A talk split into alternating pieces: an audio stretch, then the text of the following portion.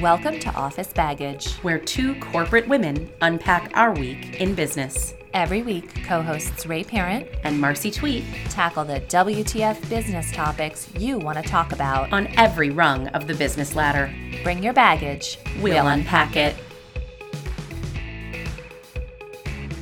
This week on Office Baggage, we're stepping out of our corporate baggage and into political baggage. But keep listening because this episode might just give you the hope you've been looking for in our political system. We're talking with Cassandra Gaddo from Run for Something, an organization that encourages young, progressive women to run for office. Hey, Ray. Hey, Marcy. Welcome back. Good to be back. Office I am cuddling with my boyfriend while we record, and I see that you look a little envious. I do. Your boyfriend is a big, heavy breathing chocolate lab. I was I was gonna take it a little farther. I was gonna say big, brown eyed, little dumb.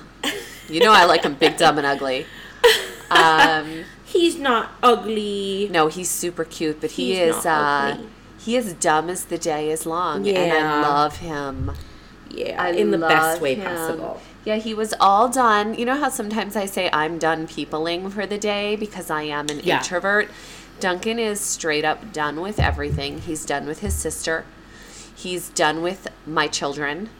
he is done with Chris and his endless list of consequences and rules. And he just wanted to come downstairs and be with us.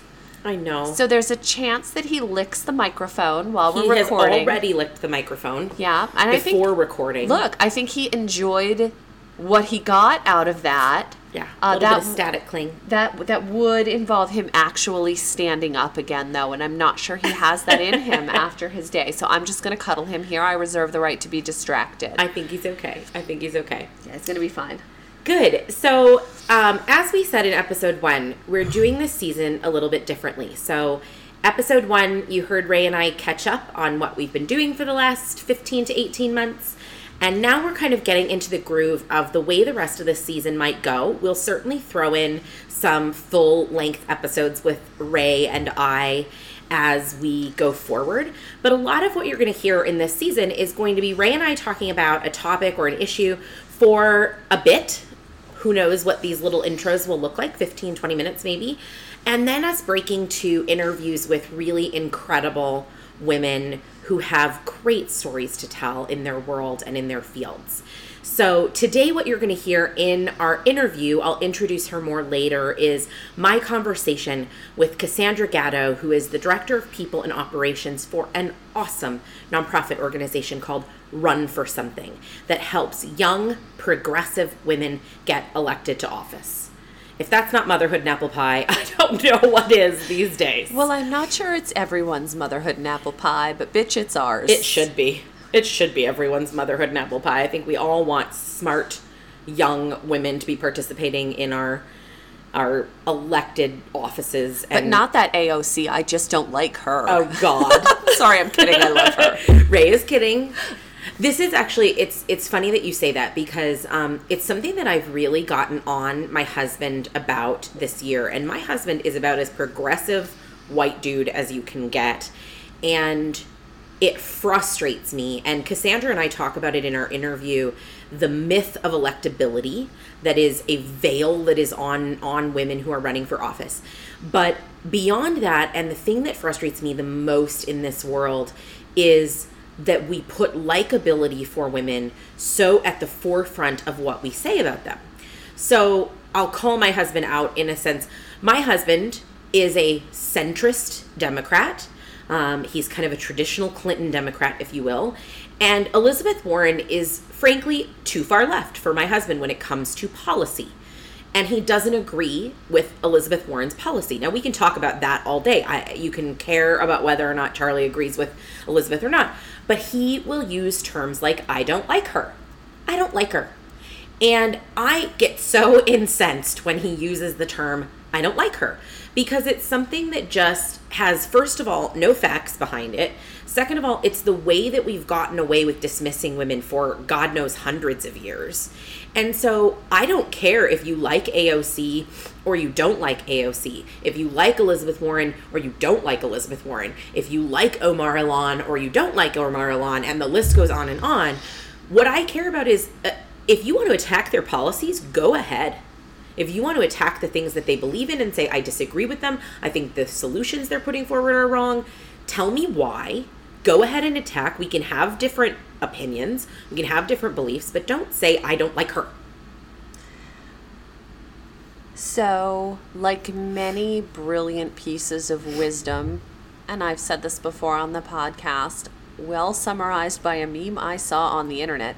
So, who the F knows the actual source of this? But just, you know, a moment of time to remember the best voting advice I ever heard. Voting isn't marriage, it's public transport. You're not waiting for the one who's absolutely perfect. You're getting the bus, and if there isn't one to your destination, you don't not travel, you take the one going closest. Yeah. And very simple, very digestible, which Lord knows we need in this day and age because we operate in sound bites. But I think that we're dealing with something that's just deeply rooted in a fear of, a dislike of, a something of women in positions of power. And it is just so very public and front and center when we talk about someone running for public office. It is so very easy to accept that playground excuse of I do not like. And forcing people into the dialogue of let's unpack the why, let's debate the root causes associated with this, often leads to a somewhat uncomfortable conversation. And when I get into that space with people, I am often labeled as difficult. Yes. It's an interesting thing. Charlie and I got into this a while ago, and I told him that the word like applied to women is as bad as the word bitch. Oh. And he was very dis he was he completely disagreed with me. But this is the thing, if you say about a woman, I don't like her. It is in essence saying she's difficult, she's a bitch, she's she's all these things that I don't have to tell you about because I just get to use the word I don't like her and that's okay. And it frustrates me. Right? It's a cop out. It's a complete cop out. It's a complete cop out. I had an interesting conversation with a man in my life who shall remain unnamed, but we all know who it is. And he was talking about Elizabeth Warren and he mentioned lack of electability and he said because she was so progressive. And at the time, Bernie Sanders was polling meaningfully ahead of her.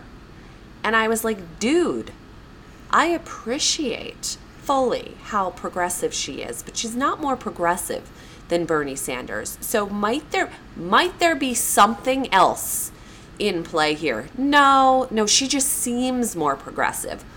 Why? Because she's in a skirt. Well, first of all, Elizabeth Warren never wears a skirt. True. But because she has a vagina. I didn't want to say vagina on the podcast. We're three in, and I have not used any language. Rachel, we are a progressive female podcast. We can use the term vagina. And I have said testicles, You have. nuts, You have. goddamn a few times. Vagina is okay. okay, fine. Vagina, vagina, vagina. No, it's a deep-seated hatred of women that this society still has, and and it's something that we need to tackle, and that I think we're tackling every day. And there has been movement on this in the last few years, few decades. I am I'm glad to see it happening, but whether you agree with Elizabeth Warren, whether she's your candidate or not, she doesn't need to be. Whether Kamala's your candidate or Kirsten Gillibrand was your candidate, or any of the women who are running for any office at any level, from your your city clerk to your president, whether they're your candidate or not, that's up to you, and you have a right to have your opinion on who your candidate is and the kind of policies that you create. I just implore everyone, especially the men in the world, the way to be allies is to not say things that are dismissive to a woman because of her gender. it somehow in in going to the headline and snapping to that statement of likability it is incredibly dismissive and i'm so glad you brought it back to utilization of privilege. This is a wonderful way for men to be allies. I appreciate that a lot of the men that listen to this podcast men we know men we talk to get very uncomfortable when we talk about the deep hatred of women. And and look i I understand that that's hard wording. I understand that what we see as hatred of women, they might feel is more fear of women or fear of the unknown or, you know, whatever else. But the reality is, we're held to a very different standard consistently, whether it's in political office or really anywhere else. Um, we see it in corporate America all of the time, too. And we use the word hatred of women. And I, I stand by that. I'm fine with that. But even if folks don't like that term, it's time for men to use their privilege and get more specific. Yeah, I think even recognizing the double standards that are out there and being able to identify them and make changes with them.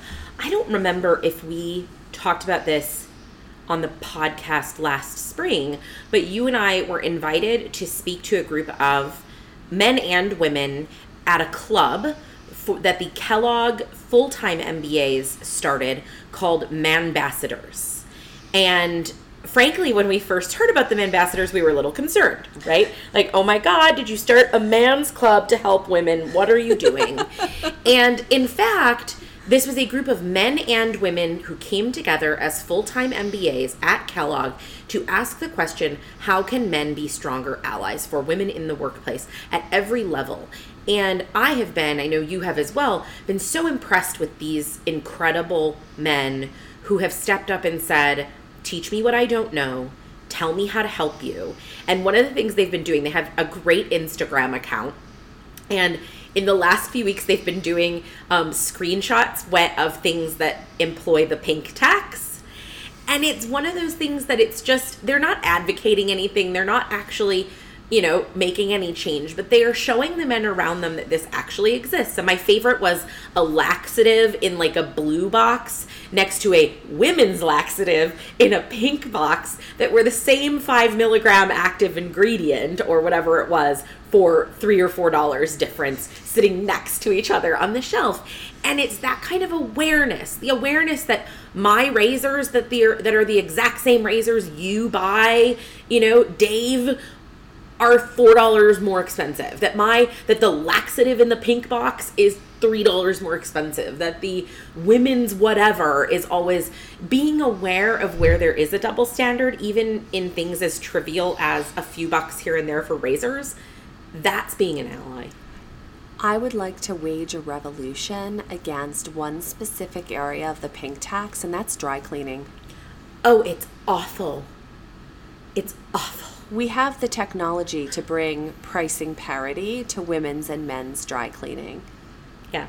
A blouse costs $12. And I was told it was because it was smaller.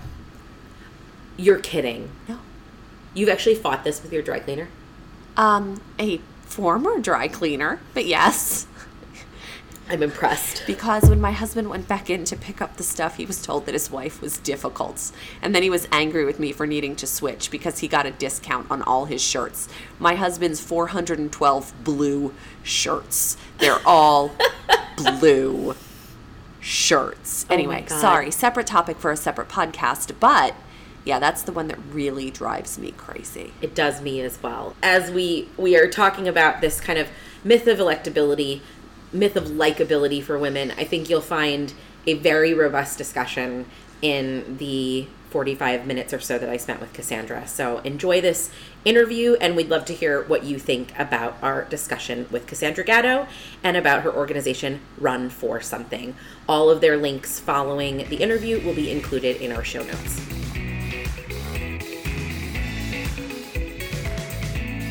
Hi. Hello. This is weird. I know. I know.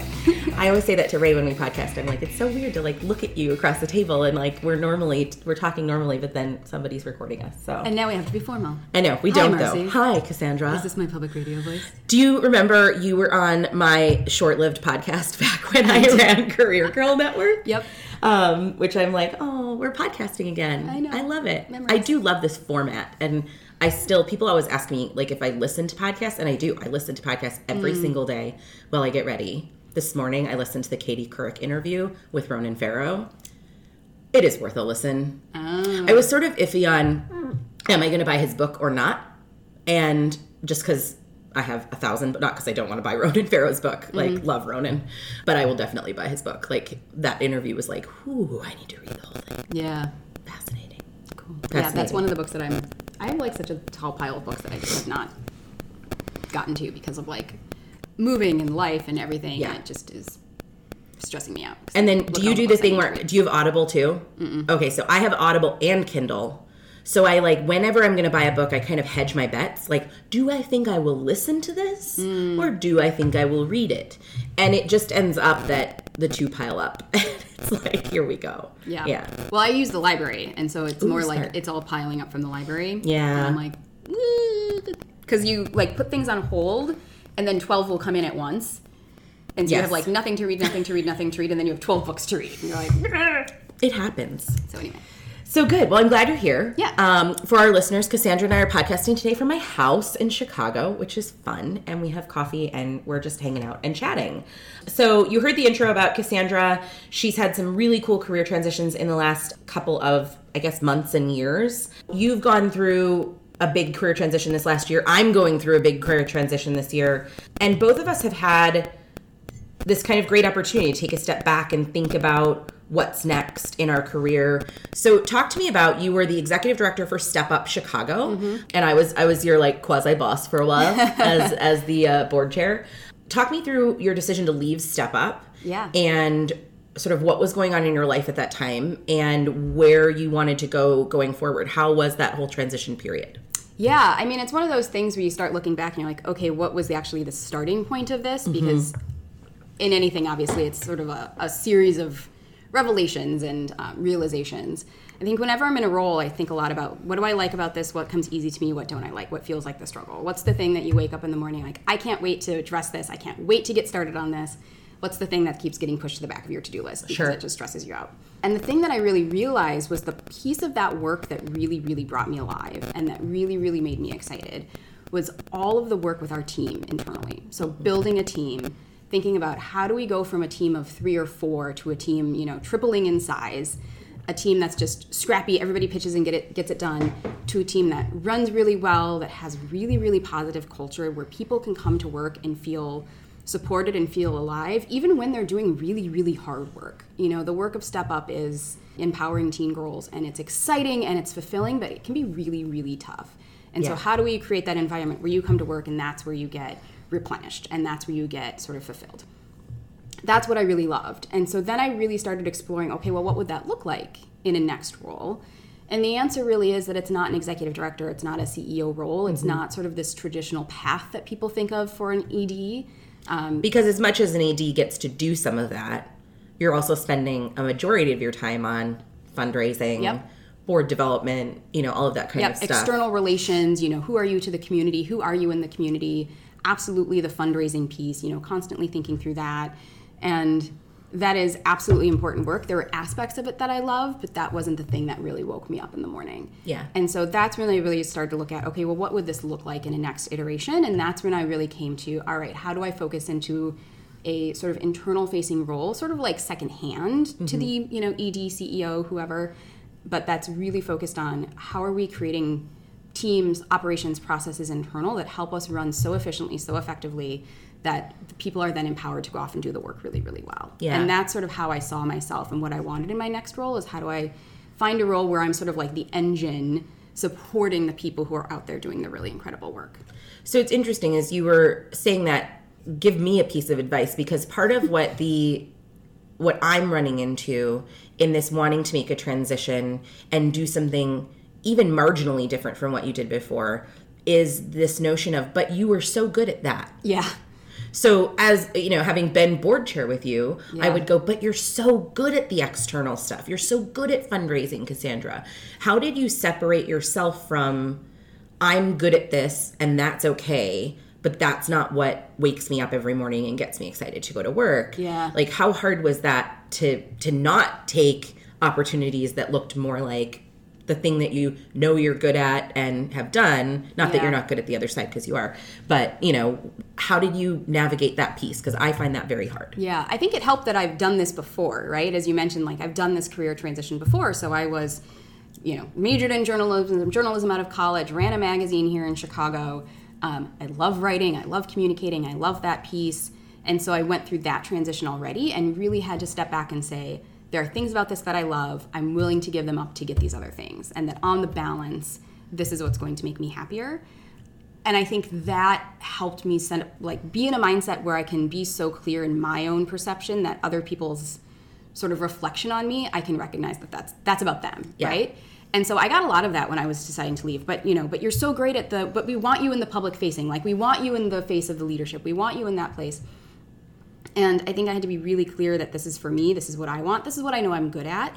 I think this is also for me at this point in time, like let's be really honest.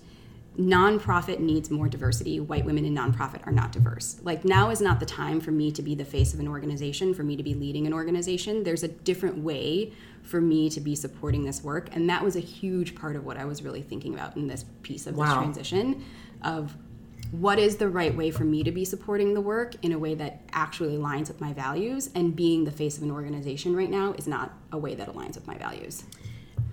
I, I just like I'm in awe of, of what you just said and feel like I need to digest it. Because it remi- it goes back to did you watch the um uh, do you watch Jada Pinkett Smith's Red Table Talk thing at all? She does this show on Facebook called Red Table Talk where she brings women mostly to the table and they have discussions. It's almost like The View, but less catty.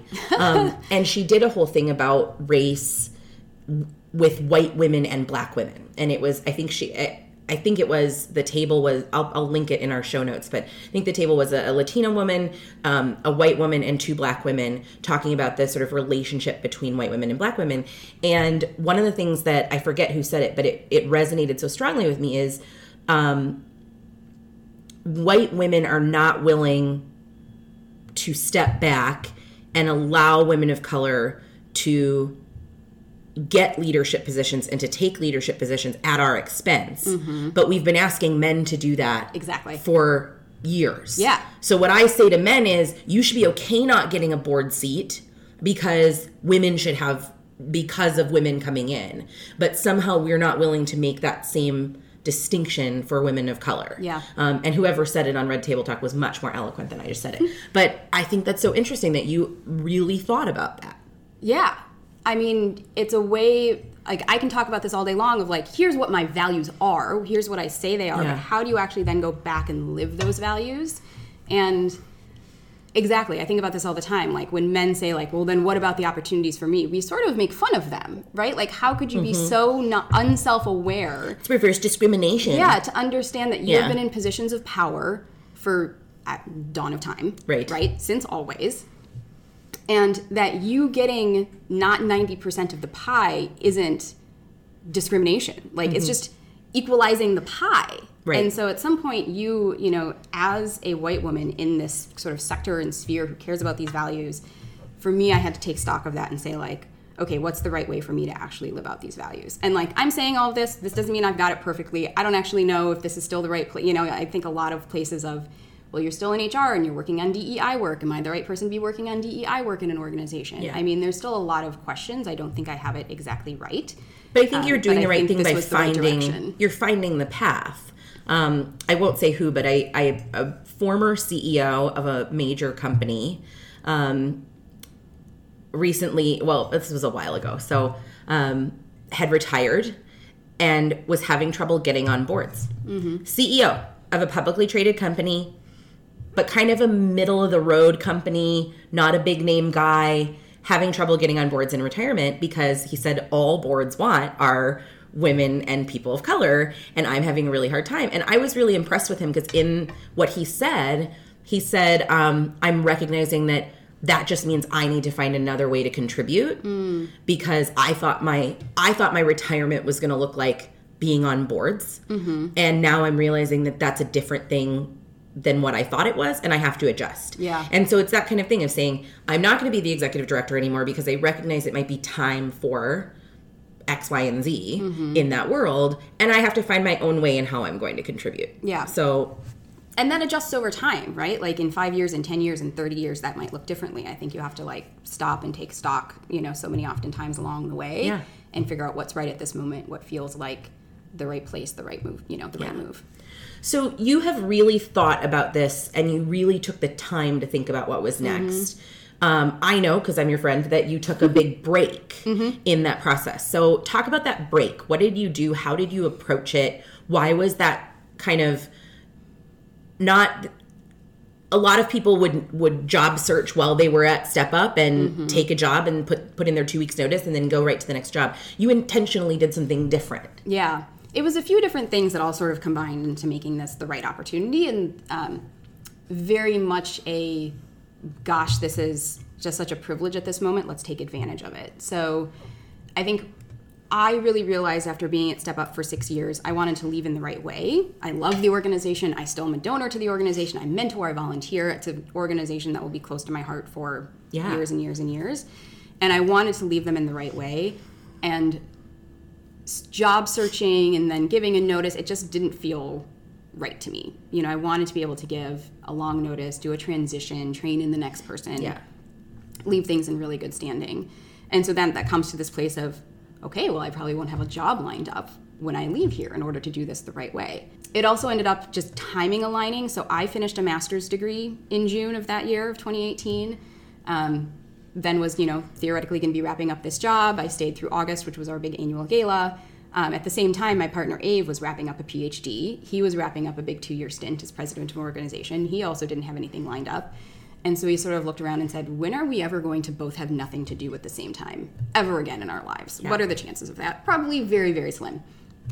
And for the entirety of our relationship, we'd both been in school and working and, you know, so, so busy. So we decided we're going to take a break. And so I had my last day at Step Up. I think I was home in Chicago for four days.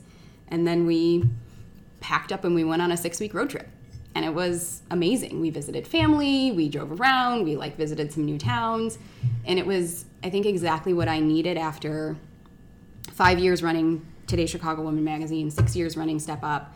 I needed space in my brain Yeah. that wasn't focused on what are the 10 fires that are happening today. I needed, you know, just time to sort of like mm-hmm. breathe and wake up and think about what are we doing today. And I think that six weeks, A, was so important for me and Ave, you know, launching into then this like next phase of our job searching and lives to like have had that sort of moment of quietude. But I think it gave me just time to process because, you know, I say this now with such clarity of I knew exactly what I wanted to do. But at the time when I left Step Up, I actually had a few. It was like, well, maybe I want to go into consulting, and maybe I want to go into CSR. I don't, you know, like mm-hmm. all of these opportunities start to start rumbling around in your brain. And I think it was really that six weeks that allowed me to reflect. Nope, this is the thing that keeps speaking to me. Like this is the thing I keep coming back to. And I felt feel like I came back after that six weeks of not thinking about work, entirely clear about what I wanted to do for work. Yeah. It's interesting because I've, you know, I've been in a very similar position. In July, I ended what was a long term engagement. I've been kind of in this weird consulting realm for about a year after leaving my corporate job, similar timing that you did. And when I left that long term engagement in July, I said, I'm not going to tell anybody I left. Like, mm-hmm. very few people knew that I was kind of back on the market because I wanted that space and mm-hmm. time. And it's interesting how long, even now, so it's been just over 90 days for me since I've had, and I've been doing consulting during that time and working on some other projects, which has been great to keep me kind of, you know, financially stable and mm-hmm. intellectually sharp. But it's amazing in the last two or three weeks how the fog feels like it's rolled off. Mm. Like I feel like there was this fog on like what do you want? What are you doing? That break made a huge difference of really take the step back and really say what do you want? What's next? What's important to you? And then you can begin to refocus and come back in with a fresh sort of look at where you're going. Yeah, and I think your point about sort of not sharing with people goes back to your previous point of how do you shut out other people's voices? Because when you do mm-hmm. something like that, I think the range of reactions is fascinating and is really just sort of like not a reflection on you. It's sort of a, you know, how are other people seeing themselves in that decision? And so you get everything from like, oh my gosh, that's amazing, good for you, that's incredible, to, yep, I do that all the time, love breaks, they're amazing, to, holy, um, oh my goodness, that stresses me out. I could Yeah. never do that. How could you do that? Aren't you panicking? Have you started job searching yet? You know, Yeah. the people who every week are checking in, do you have a job yet? Do you have a job yet? Do you have a job yet? And so I think being able, I think that was a piece of going on the road trip Yeah. Mm-hmm. too, of like, I'm not checking my email, I'm not really talking to people, I'm not posting about this on social media. you know, well, and then people throwing way. opportunities at you that they think are right for you. Yeah. Right? Because that's what happened to me when I left corporate. Ended my time at the company I was at last year, and I had a flood because I announced it. Mm-hmm. I told everybody I, I was I was gone. And it brought all of this opportunity to me, which you know, you make you make good decisions and bad decisions in your career. I probably made some bad decisions following that time because I went after opportunities got thrown in my lap instead of focusing and saying, "Wait a minute. What do I want?" And so I feel like now a year later I'm doing it right. You got it right the first time, so good for you. but it's interesting because um, on this whole topic of, of kind of white women and privilege, you and I both had the privilege financially to take this time. Whether it had been we planned correctly we you know did what mm-hmm. we did and we have partners. I was lucky i had a partner whose job and salary float have floated us through this time and i mm-hmm. had the opportunity to grab some consulting gigs that floated me through the time. What advice would you give to women who are ready for that kind of career transition and want to take this step back that you've been able to do and I've been able to do, but can't quit their job and take six weeks or a few months to to think about the next thing? Yeah. How would you cultivate this if you had to do it inside an organization? Yeah, I'm so glad that you speak about it as a privilege because I think one of the things that I hear from, I've heard a few times from people of, oh yeah, I do that all the time. I think everybody should take a break. I think everyone should take a break after a job. And that sounds lovely. That's certainly not Sure. reality. And so I think it's really important that we just continue to underscore that is absolutely a privilege. Um, I did this previously. I did this when I was at the magazine, and it's tougher. Um, but what I did Yeah, because you went straight from from today's Chicago Woman to Step Up. yeah, I think I had three days off. Yeah. I had like a weekend I remember. Monday or I something. like remember that. being like, "Are you seriously not even taking a week off? Come on." No. Um, so I think you know what I did in that scenario was it took longer. It took a bit longer of like sitting down and sort of sorting through opportunities and th- doing things. I went on a path where I was. I did a trip to DC and was doing a bunch Yeah. of informational interviews with magazines in DC and thinking about do I want to do political reporting because clearly politics has always been interesting to me, which Yeah. is a great thing that's come up in my current job. Decided that wasn't quite right.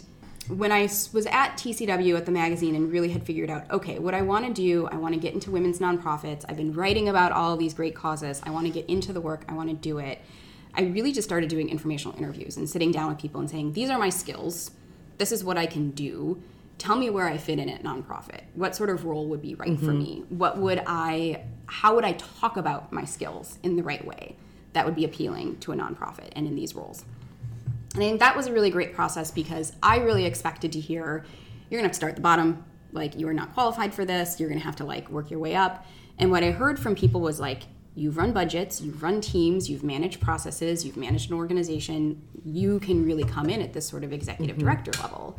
Um, which was not something I was expecting to hear and was great and helped me rephrase the things that I'd done in TCW in the right language. And it was that process then of sort of telling my network that eventually brought me to Step Up because Step Up was an organization I'd volunteered with for a long time. I had told the person there that, hey, I'm looking to make this move. And then it was, as you know, Yeah. um, my predecessor at Step Up who took me out to coffee and said, I'm leaving my job and I think you should apply for it. Yeah. And it was because I had been putting these little feelers out and doing these informational interviews that helped me think about, okay, what would be the right place for me to transition into nonprofit work? Yeah. It's interesting. As you were talking, I re- remembered a question that I wanted to talk to you about that I didn't put in our prep notes. So I'll throw it at you. This has come up for me in the nonprofit sphere more than anything, but I think corporations are starting to do it again. And we did it to you when you interviewed at Step Up, making people do like a project for interviews. Are you pro or con on that?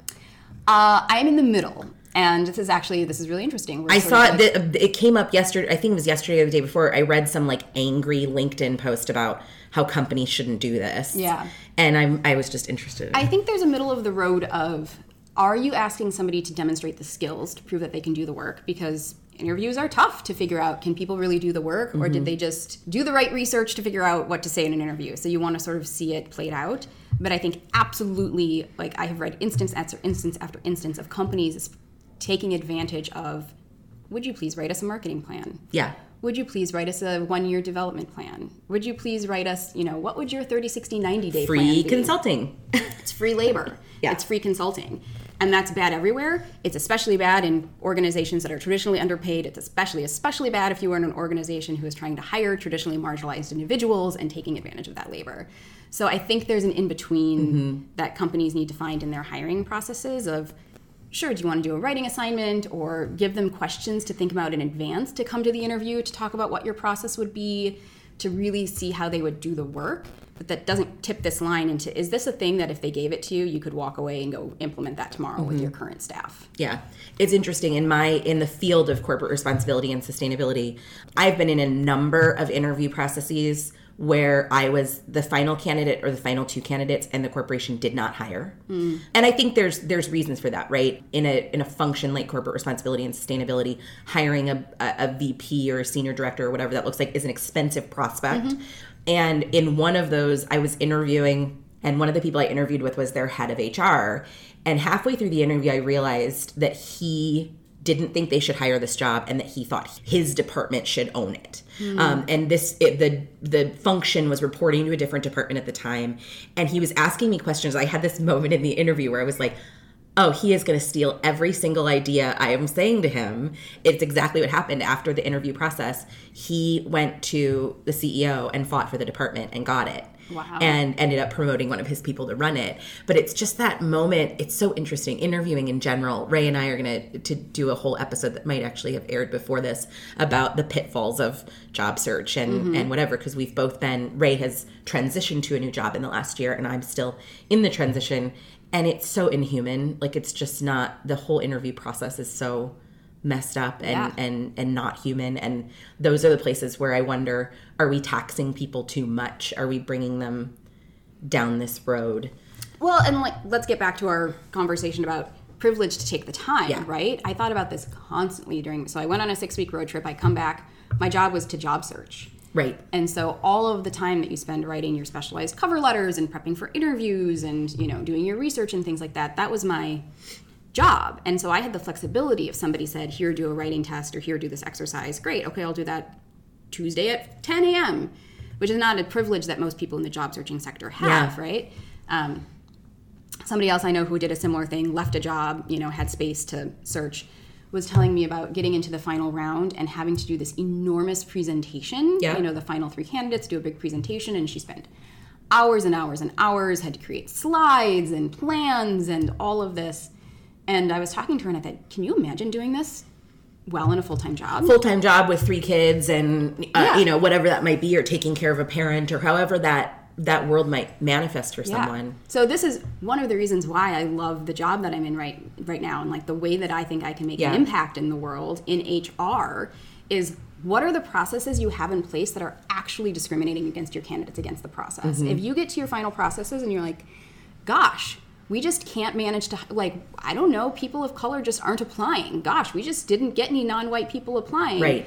Start looking at your processes and figure out where you might actually have some biases played in, right? Like we just can't find any women. Well, why what's not happening in your processes Yeah. Mm-hmm. that might actually be creating barriers there. so let's talk about run for something Yeah. so you landed in a role when was when did you start I started in April. Okay, so it's been been like about six months. Yeah, six months. over. Um, so tell our listeners about this organization and Yeah. what you do there. Yeah. So, Run for Something is an amazing organization that recruits and supports um, young, diverse progressives to run for local office. So, our belief is essentially we need to build the democratic base, we need to build the bench, and we need to fill it with voices who are not traditionally represented in governmental bodies. Um, they launched literally on Inauguration Day in 2017. And they've been doing incredible, incredible work. We've elected almost 300 individuals. Wow. Um, and that's everything from state legislatures. Um, we have people in state legislatures in states like Virginia and New Hampshire and all across the country, to city councils and to school boards and to law enforcement officials, um, city clerkships. These really important, tangible things that make a difference in people's lives today. Yeah. Um, so it's incredible, incredible work. Um, I am their director of people and operations. So, running all of our human resources, running all of our finance, running all of our compliance, all of our sort of internal clockwork to keep us running and to support the team that does the awesome work. That's fantastic. Um, so let's talk a little bit about the organization, and I want to jump into some of the the kind of growing pains job kind of stuff. Yeah. What does Run for Something find are the biggest barriers for women running for office? And how do you coach them or get them through those those moments of self doubt? Should I run? Shouldn't I? Can I do this? Can I not? Is that the biggest? Is I guess that's the I would think that's the biggest barrier is women thinking I shouldn't or I couldn't Yeah. um, to get over. Am I right about that, or what are those those Um, moments? I think one of the biggest barriers is perception. And I think that's perception in a couple of ways. Perception of who is traditionally a politician, who traditionally should fill these seats. It's perception of what roles are women supposed to fulfill and the biases then that you, you know, find along the way. Um, and it's the perception of electability and who should be running and are we supposed to be taking chances on people who aren't traditionally represented in governmental bodies so if you think about every bias that women encounter in the workplace from you're too screechy you're too aggressive you're too demanding you are abandoning your children at home so you're a horrible mother or you're leaving work to pick up your kids so you're a horrible worker because you have this life all of that on a public stage is so amplified because Yeah. a it's so public b you have an actual opponent who is trying to in some cases exploit all of those biases and all of those perceptions. Um, so i think that's a huge challenge. And then you add in any intersectional identity right? So you add in race you add in lgbtqia community you add in immigrant status. Um, for a lot of can- our candidates because we specifically support young candidates you add in age. And all of that sort of just manifests on top of itself so we've had candidates, you know, we had a candidate, Ali Brown, running for city council in Indianapolis, um, who identifies as bisexual, who faced homophobic attacks during her campaign. We had Yeah. a candidate running for um, city council in Lewiston, Maine, Safiya Khalid, who is a Somali refugee and was facing such horrible racist troll attacks that she had to take her social media profiles God. down. But what I think is really fascinating about what we've seen and what these two cases I think specifically really exemplify is that when our candidates do the work, when they focus on the issues, when they show up at voters' doors, when they meet the voters where they are, when they talk to people, they get elected. Both of those candidates won their races on Tuesday, this past Tuesday, November Wow. 5th. We had we elected 72 people on November 5th. 60% of them were women, 30% of them were people of color, 15% of them were LGBTQIA. When you run these candidates, even in areas where they say don't run Democrats, when you run these untraditional candidates, but when they do the work and when they talk to voters, they win. Yeah. And so when we talk about you know how do we combat this how do we help people overcome yeah it's about asking women to run women have to be asked an average of seven times in order to actually sign up and Mm-hmm. run for office but it's about providing role models one of the things that our female candidates tell us is that the thing that inspired them to run was seeing somebody else do it Yeah. and i think for me this is a huge through line to step up in the work we were doing there right you can't be what you can't see you put role models in front of somebody you put somebody there who's done it before you pair our candidates with a mentor to talk them through this, to give them that sense of community of, I've been through this. I'm going to personally talk to you about what I did. You know, running absolutely helps. I think two, you know, if I would say to sort of people out there, like support female candidates, support organizations and the infrastructure that Yeah. support female candidates. And three, I think one of the things we talk about a ton at Run for Something is trash the idea of electability. Electability is a myth. The idea that we shouldn't run women, we shouldn't run people of color, we shouldn't run queer people in communities because that's not who we want as a politician. There is like Donald Trump has thrown the idea of electability out the window. 100%. Like who would have thought that Donald Trump is electable? He's not, but he won. The idea of electability is a myth. If you run, if you talk to voters, if you do the work, if you come from a place of I care about the issues, I'm informed, I'm embedded in my community, and I meet people where they are, you will win. Yeah. Do you remember a power breakfast that Step Up did years ago with Laura Kofoid from Lottie Vitney? Yeah. the bag company. So there's this bag company in Chicago, Lottie Vidney. Their CEO, Laura Kofoid, talked about how important it is to give money to fem- female candidates mm-hmm. who you have nothing to do with, who are not in your district. Yep. And she talked about the first time, I remember her telling the story the first time she ever made a major donation. And this is a woman who has her own company makes uh, you know a lot of money. So i think it was a major donation um, to claire mccaskill in missouri when claire ran for the first time.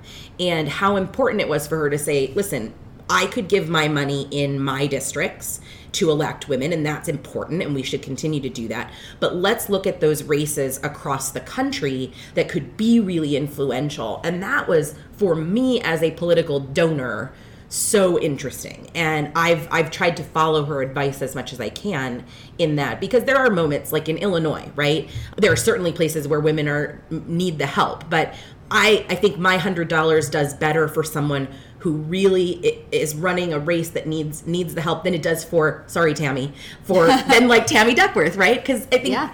that's that's sort of where you're at and you have to find those places and it's exciting to see people like amy mcgrath out of Mm-hmm. kentucky and um, even i mean i'm in love because her commercial was so fantastic cia agent whose cover was blown Oh, is yeah, running what you're talking in in new mexico Yeah. Valerie plame Yeah, I'm her commercial is amazing. her commercial is fantastic go watch valerie plame's commercial um, i gave her 25 bucks because it's like you know and it doesn't have to be big i can't a lot of people can't afford to give thousands of dollars to every Yeah. candidate but if i can throw five bucks ten bucks 20 bucks into somebody's you know kitty to at least give them the numbers that they need so does run for something kind of do that how can people use you guys as a way to find out about some of these candidates who are running really cool races in places like indianapolis or minneapolis or you know baltimore Yeah. that i might not be familiar with but i'd love to support them or even retweet them or whatever i can do Well, and the thing is, too, if you think about where your twenty-five dollars goes, like, look, I'm do- donating to several presidential candidates at this point in time. Like, Me there's too. a lot of folks who have gotten my ten bucks.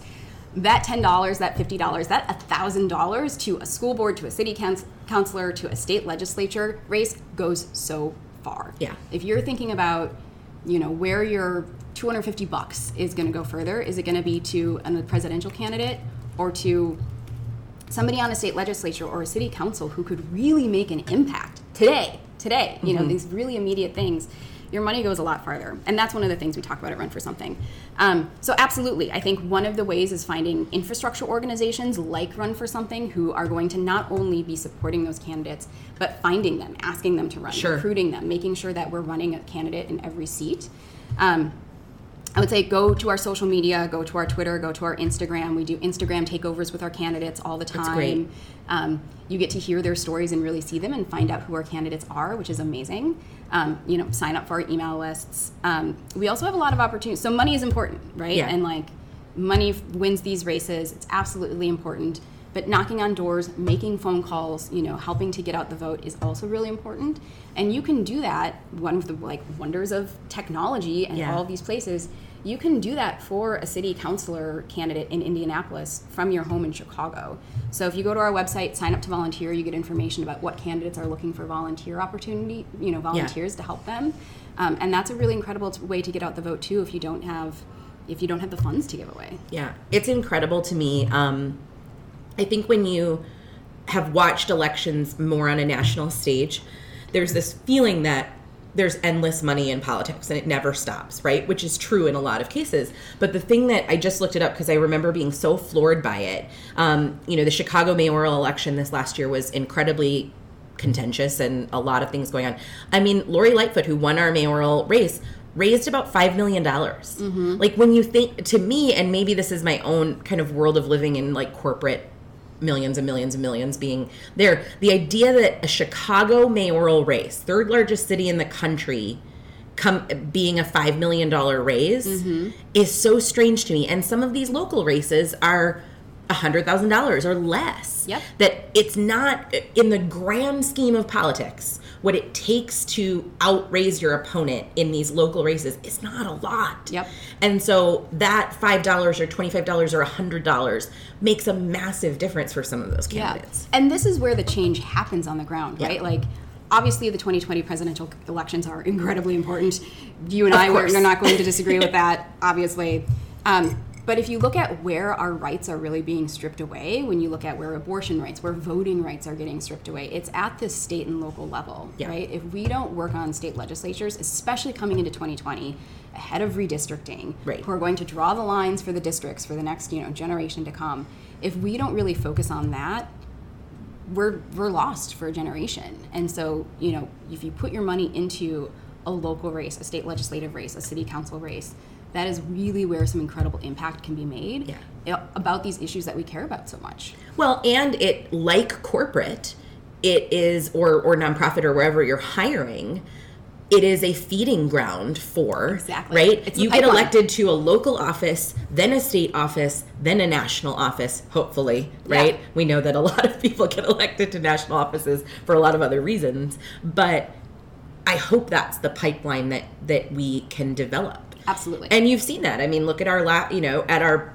uh, Sans current president, our last four presidents have been first local offices, then state offices, then you know, it's it's that kind of feeding ground. And so if we want to have women on the presidential ticket, if we want to have women on the senatorial tickets, then we have to have women at the levels of state and local to start with to get them that that rise. Absolutely.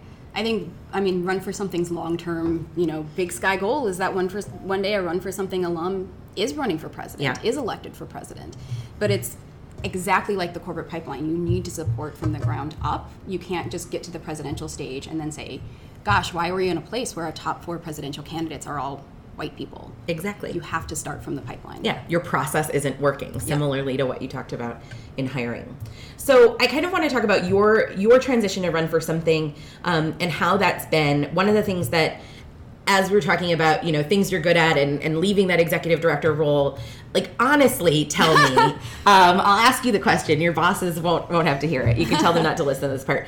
Has it been hard? I mean, you're still on the leadership team. There, Yeah. you're still director of people and operations. But has it been hard not to be the big boss? Yeah, so I saw this question and my immediate answer was no, and so then I had to think about why. Why hasn't it been hard? Um, I think one of the reasons was I was so ready. You know, I think Yeah. a big piece of what I was looking for in my next role was just an opportunity to specialize. Like, this is the area of skills I know I want to grow. This is the Sure. path I want to be on. So I'm really excited about this opportunity to actually like hone in, specialize, do some of these things really, really well. I think one of the reasons that this works so well for me and that it's been so easy, so my boss can listen to this part, is that I have a great relationship with my boss. Like my boss respects me, my boss trusts me. I feel that every day. Um, you know, I am. I think one of the things that our co-founders do really well is hire people and then trust them to do the work. Right? Hire experts, trust them to be experts. And that's what I feel in my role. And I think that's one of the reasons that it works really well. Like, here's my lane. I know what my lane is, and I'm trusted to execute my lane. And Yeah. I think that's the reason that it works really well for me here. I mm-hmm. think that was, you know, when I was looking at roles and thinking about, all right, what would be the right place for me, I knew I needed to be on a leadership team at the national level, mm-hmm. right? So if you think about Step Up, I was the executive director of the Chicago office. I knew it wouldn't work if I was coming in and being chief of staff or director of people to an executive director in a local office who then was reporting up a chain Sure. to a national office i knew that wouldn't work for me i wanted to be in the big leadership room helping to like provide input and make those decisions that's a place that i would feel like i had the right level of autonomy a right level of trust right level of influence on the things that i wanted to Right. influence in order to be really fulfilled in this role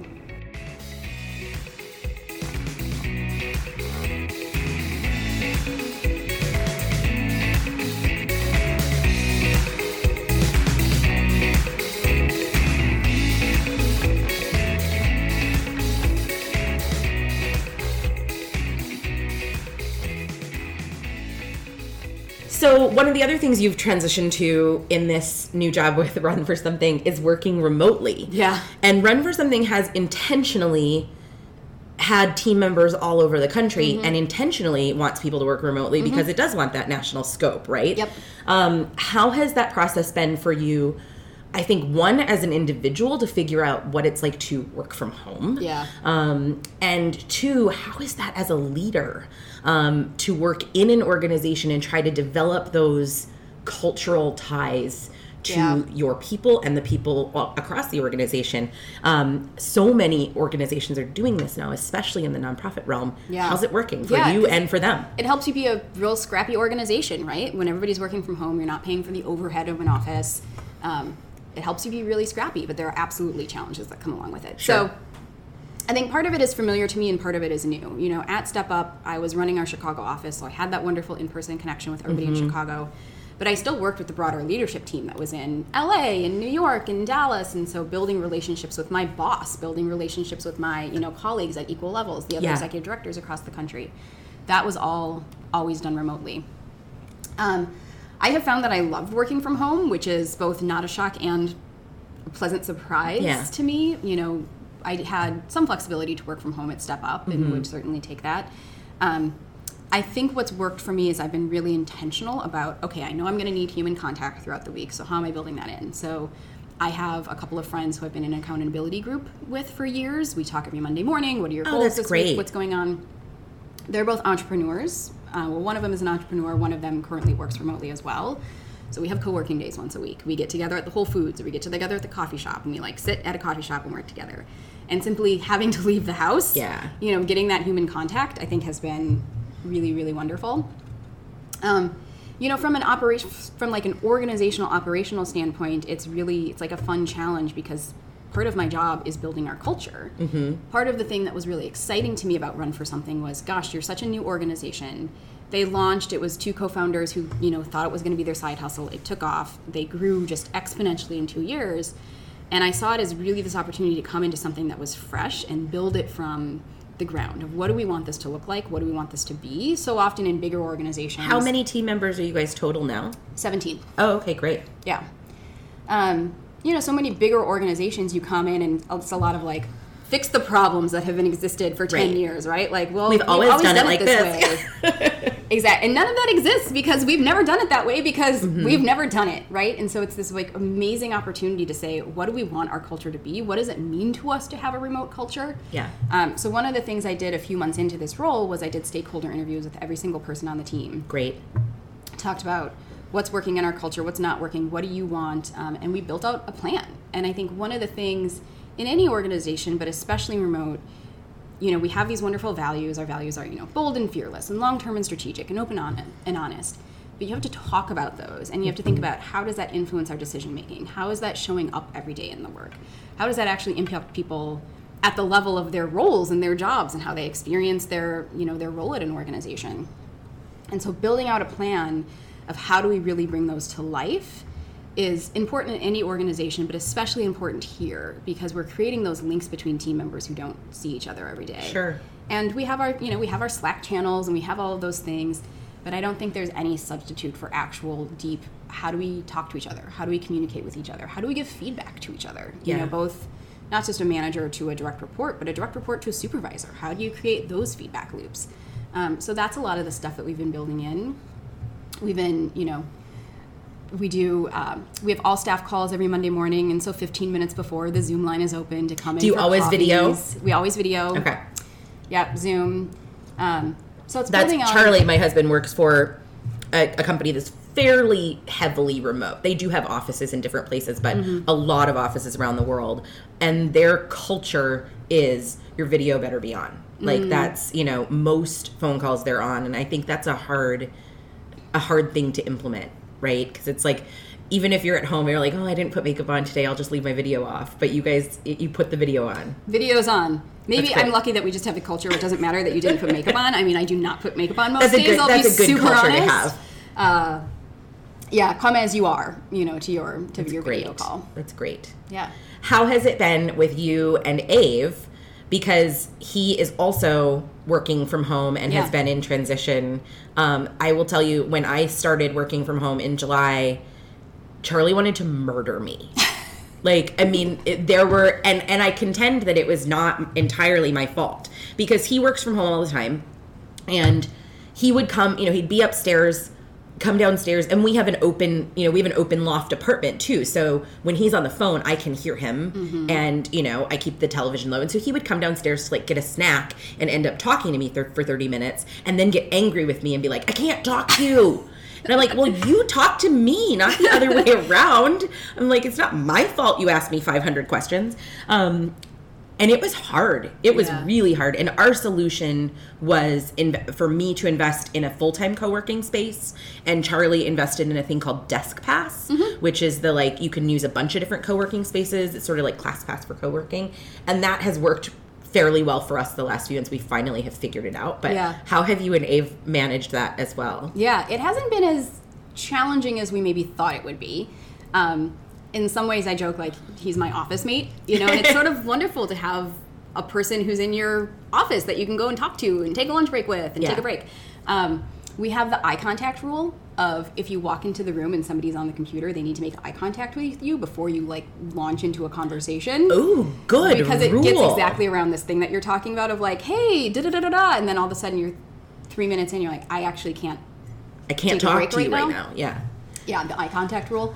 Um, we've had to make up a lot of little funny codes. So we were in a one bedroom for the majority of this time, the full year of our transition. Yeah. Him finishing his PhD, job searching, me job searching, me starting this job, have been in our one bedroom apartment. And so just my desk in the living room, his desk in the dining room. We put a sheet up as a curtain. But no door, divider, yeah. No doors. So we have, you know, knocks and sounds of, okay, can I come in? Are you on video? Things like that. Um, but we did just move on Monday to a, a one bedroom apartment uh, or a two bedroom apartment. So that maybe is our solution. So you We have an gotta- office now. Yeah, which is a it's a loft. Oh, it's a loft. Okay. So it doesn't have a door, but you have to come up the stairs to it. Yeah. Um, which I think was m- as important for us both being in the space as it was me just for me as a person working from home. I felt like I needed my space. I need my little office nook that I feel like I go to my office, I sit down, I'm working. Yeah. And then I leave my office and I'm not working. And I think that works out really well for our code too. Of like if I'm coming downstairs, okay, I'm taking a break. Yep. Versus he just happens to be passing through the living room to water the plants and then we launch into a 10 minute conversation that Sure. somebody doesn't actually have time for. It's funny the the like creature comforts that you miss in having an office. Um, like it's just it's such a stupid thing. Like our house is very neutral colored, and all of my stuff in my office was very bright. Like every I would never buy like a, a bright pink thing for my house, but I had a lot of like bright Yeah. pink and bright lime green stuff in my office, and I like desperately miss my stupid office things. I just am like, can I get back my like tray? I rearranged our um, second bedroom closet so that at least it has like an off, like it has all my office stuff there. Mm-hmm. But I'm like, oh, I miss my stuff. Like I miss my, I miss my little step up things and my little, you know. So I have a bag. I've had this bag that has been sitting in a closet this whole time of all of my office stuff, all Yeah. the like pictures that people give you and mementos and you know all of those sorts of things. And literally Tues Tuesday, Wednesday, Because you I- just moved. You yeah, moved we- on Monday. We right? just moved, you know, like four days ago or whatever. Yeah. And we moved on a day. I mean, I'm still working, so Mm-hmm. this is all at nighttime and things like that. That I'm trying to get everything set up. Um, so I finally have some of my little things up. You know, So my fun. Um, well-behaved women never make history plaque, and um, one of the things that I have to hang is a thing that you gave me on one of my step-up anniversaries. Aw. That's photos and quotes from everybody. So yeah, I'm excited to sort of get my Yeah. space set up. Like Yeah. you're visually stimulating things around you for Yeah. sure. No, if I knew I were doing this, you know, I've been doing the consulting thing now for a bit, and I can keep doing it if I want to. I, I think I prefer would I would prefer to go back in house and figuring it out. If it were if it goes longer than the next couple of months, like the bed in our second bedroom's got to go, and we're mm. putting it. You know, I need a desk because I'm just you know I'm dying. I think we were lucky because when we were looking, we went in with the intention of we're looking for a space that works for somebody That's who's great. working from home. Yeah. And Abe is the opposite. He's been working from home this whole time, writing his PhD. Yeah. For years and years, and now that he's starting a new full time job in January. He's so excited to not have an office space. Like, I don't need a desk, don't need my stuff. See ya. I don't want it. Um, so he's very, very excited to not have that space. I know. I'm so I can't wait to hear about his transition when he he goes in like having been working from home and in the PhD world and now being in a like very corporate Yeah. office in January. I I think it will be so fascinating to hear Abe's anthropological take on on his own transition to corporate. give you lots of analysis. um, but this is a funny thing. So you asked about you know our balance working from home, and I think one of the bigger discussions we're actually having is what does this transition look like when he's working in a job where he's probably traveling four or five days a week, Yes. and I'm at home, and how do we really ensure that we're not falling into an imbalance of sort of the household tasks? Yep. Right now we're both there, night, do the dishes, do whatever. Um, so that's a big conversation that we're having because it's i think it's really easy in partnerships like that to fall into the well that person's at home like why can't they just do it all because certainly our weekends we don't want to spend I think you. So I'll give you advice because Charlie and I've been in this world for a long time, where I was on the road all the time and he was at home. Um, the best book I have said this on the podcast before, and it will change your your relationship and your marriage. Read the book Spousonomics, mm. um, and it is this sense of when I'm traveling all the time, like I can't do the laundry as much as Charlie does, and I can't do the dishes as much as Charlie does, and I can't sweep the floor or feed the cat as much as mm-hmm. Charlie does. But what I can do is pick up the other labor, the mm-hmm. like scheduling, you mm. know, flights if we're going somewhere, you know, dinner reservations, like what are we doing? I can pick up that sort of um, like outsourcing labor. it's like the remote household tasks. Charlie Charlie is the insourced labor and I am the outsourced labor. That's often how it is. Yeah. Um, and it has been interesting since I've been home more these last few months of, you know, how much of that kind of world. Like the other night I we had finished dinner and I did the dishes and Charlie was like, "Oh my god, you don't ha- like I'll do it. It's fine. I'll do it" cuz he always does the dishes. I'm like, "I'm home and I can do more of this here and there." And so we're figuring out how to rebalance the spousonomics in the world of me being here more and him no longer having to do all the laundry. Yeah, it's just a.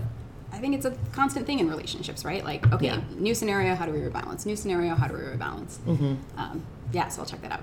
Super fun. Well, this has been so fun. This has been wonderful. I've loved having you here. Yay, thanks, Marcy. I know. I love starting this new uh, season three on the podcast with people that I know and love. Yeah, so this has been it's great. fun. Thanks, Thanks for letting joining us. chat. Yeah.